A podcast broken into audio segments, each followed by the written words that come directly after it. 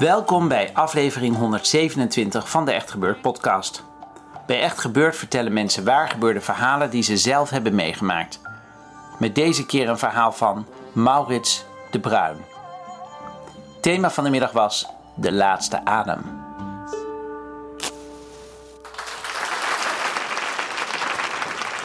Tien jaar geleden woonde mijn broer in Barcelona. Want dat deed je toen. En ik had in diezelfde tijd een lange afstandsrelatie met een hele lethargische Zuid-Spanjaard. En dan soms besloot ik mijn broer op te zoeken en ging ik vervolgens door naar Sevilla om mijn lange afstandsrelatie op te zoeken. En soms deed ik dat dan andersom. Deed ik eerst die lange afstandsrelatie, soms die broer. Ik moest in ieder geval zoveel mogelijk in uh, hun eigen hokje houden. Want die broer en die Zuid-Spanjaard uh, konden elkaar niet luchten of zien.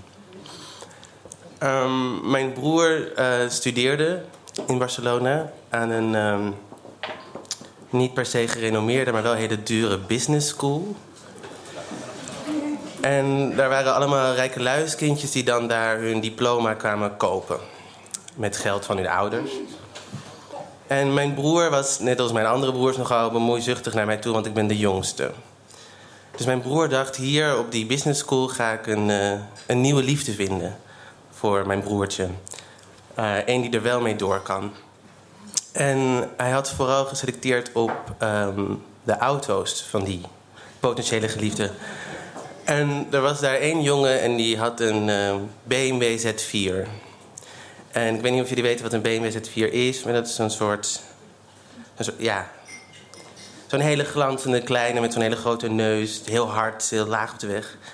En de, de BMW Z4 was in die tijd voor mijn broer het hoogst haalbare. En zoals dat gaat met bemoeizuchtige mensen, dacht mijn broer dat het ook voor mij het hoogst haalbare zou zijn. Dus hij arrangeerde een blind date tussen mij en de bestuurder van die auto. En het was een. Um, ja. Niet, niet, niet heel iemand anders. En toen, nou goed. En die jongen, ja, dat was ook nog eens een aristocraat. Het was echt, echt, zo, echt een rijk luiskind. En ik stemde daarmee in, omdat ik er eenmaal aan gewend was om in te stemmen met um, de plannen die mijn broer voor mij had gesmeed. Dus um, tijdens zo'n bezoek aan mijn broer in Barcelona reed op een avond er een hele glanzende BMW Z4 uh, de straat in uh, waaraan mijn broer woonde. En uh, de jongen wachtte beneden tot ik, nou ja, instapte. En hij reed me naar de kust. En hij vertelde over de merries die hij in zijn bezit hadden, had die hij had vernoemd naar countryzangeressen. En hij vertelde me over de maagproblemen van Dolly Parton. En ik was eigenlijk heel blij met uh, dat gesprek. Want het leidde me een beetje af van wat er gebeurde. Want we reden dus in een hele snelle auto door de stad. En auto's, uh, autorijden, dat was altijd mijn grote angst geweest. Ik heb uh, geen enkele bestuurder sinds vanaf het moment dat ik heel klein was ooit vertrouwd. Ik dacht dat mijn vader, mijn moeder, wie het ook was, wildvreemde, maakt eigenlijk niet uit. Ik dacht, deze persoon kan mij gewoon elk moment een uh, sloot inrijden of tegen een muur oprijden. Dus ik was heel blij met dat verhaal over die merries en daar klampte ik me een beetje aan vast. En we kwamen aan bij dat hotel. Um, oh, nee, bij het hotel waar dan dus de date was. En uh, de aristocraat gaf zijn sleutels aan de jongen die zo de valet parking deed. Waarvan ik vroeger altijd dacht dat het valley parking was. Terwijl, ja, alsof je dan je sleutel aan iemand geeft die hem dan vervolgens je auto in een ravijn stort. maar valet parking is het. Ja. En um, dat gebeurde. En de aristocraat en ik stapten de lift in. Die echt het formaat had van een uh, flinke woonkamer. En toen vertelde hij me wie er zoal verbleven in dat hotel. Um, Shakira, zei hij. Shakira verblijft in dit hotel als ze in Barcelona is. Ken je haar? Nou ja, Shakira had me Spaans geleerd, dus ik kende haar zeker. Maar dat weerhield de aristocraat er niet van om een paar van haar hits op te noemen. En um, nou, we kwamen op een gegeven moment terecht in de Skybar. Die helemaal beige was. Alles was beige in die ruimte. Maar ik denk dat de mensen die verantwoordelijk zijn voor het interieur... het champagne, champagnekleur zouden noemen. En we gingen daar zitten. En de aristocraat bestelde natuurlijk champagne. En hij ehm, vroeg me naar wat ik deed. En ik zei dat ik werkte voor een tijdschrift. En, en hij zei, oh ja, nou ja, de sommige tijdschriften worden nog wel goed gelezen, zei hij. Ik zei, ja, deze niet. Hij zei, oh. Ehm, en toen vroeg hij uh, naar mijn liefdesleven, want hij had toch wel vernomen via via dat ik op een bepaalde manier toch overbonden was aan iemand. En dat had hij natuurlijk beter niet kunnen doen. Daarmee gooide hij wel zijn eigen glazen in. Want ik kon vanaf dat moment alleen nog maar denken aan mijn Zuid-Spanjaard. Ehm, die ik voor mijn geestig oog zag verschijnen op de bank zittend. Achtereen sigaretten rokend en af en toe aan een droge worst krakend. En ik dacht, oh ja, dat is gewoon de persoon waar ik bij moet zijn. Dat is mijn thuis. Dat is, ja, dat is degene waar ik van hou. Wat, wat zit ik hier te doen met deze aristocraat? Toch bestelde hij nog een glas champagne, wat ik zo snel mogelijk achterover sloeg. En ik, want ik wilde weer die lift in. Ik dacht, hier moet maar een, een einde aankomen. In die lift probeerde hij me nog te zoenen. En ik probeerde zo subtiel mogelijk, zonder dat het op een afwijzing leek, die zoen een beetje te ontwijken. En een beetje over zijn bol te aaien. En. Um, toen zaten we weer in de auto. En de stad was eigenlijk net als die skybar waar we eerder in hadden gezeten, helemaal leeg. Er waren vrijwel geen auto's op straat. En we reden richting het huis van mijn broer.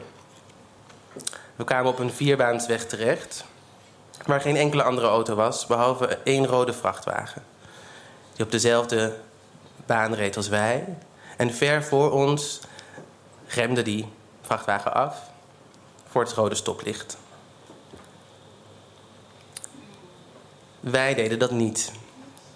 We remden niet af we bevonden in, sowieso in een soort prettig zwijgen. Misschien omdat er iets was geprobeerd die avond wat was mislukt. Wat een soort ruimte gaf tot bezinning. We, hoefden, hadden, geen gesprekstof meer over. Misschien kwam het doordat we twee glazen champagne hadden gedronken. Misschien kwam het door de muziek die hij had opgezet. Dat is de Plastic Bag Theme van Thomas Newman. Weet je wel, van die film American Beauty. Als dan dat plastic tasje zo dwarrelt boven de straatstenen en daar heel lang op wordt ingezoomd. En, dan heel rustig pianogepingel onder klinkt. In ieder geval waren we allebei totaal verlamd. De aristocraat bleef op volle snelheid op dezelfde rijbaan in de richting van de vrachtwagen rijden. En al het gegeel dat ik in mijn jeugd uh, had geuit naar uh, de bestuurder van de auto, of dat nou mijn vader, moeder of een vreemde was, dat kwam niet uit mijn mond op dat moment. Misschien dat ik ergens wel dacht: oké, ja, al, dat, al die angst die ik mijn hele leven heb gevoerd, is nergens goed voor geweest. Want ik zit hier nu en wat helpt het me? Het heeft me misschien moeten behoeden voor dit moment dan uiteindelijk. Maar nu is het moment aangebroken waarop ik aan een stuur zou moeten trekken of uh, heel hard moet gillen op zijn minst. En dan gebeurt het niet. Het enige wat ik deed was nog zoeken op het dashboard of ik ergens het woordje airbag zag staan. Nou, dat vond ik niet. Dus ik dacht, ik doe wat ik zou doen als ik een kind was geweest. En ik knijp gewoon mijn ogen dicht en ik wacht tot het voorbij is. Nou, dat lukte. En niet veel later zat ik in de ambulance, of lag ik daar beter gezegd, op een brancard. De aristocraat zat naast me in een rolstoel, hysterisch te bellen met zijn vader om te vertellen dat de BMW Z4 toch echt niet meer de BMW Z4 was die hij had gekregen. En de ambulancebroeder bleef me bevoelen op zo ongeveer elke plek in mijn lichaam. Omdat hij niet kon geloven dat ik ongeschonden van af was gekomen, aangezien de auto totaal in puin was gereden. En toen hij uh, had bevestigd dat er misschien wel niks mis was met me, vroeg hij: uh, Is er iemand die je kan bellen? Ik zei: Nou, mijn broer. Ik denk dat je mijn broer moet bellen. Dankjewel.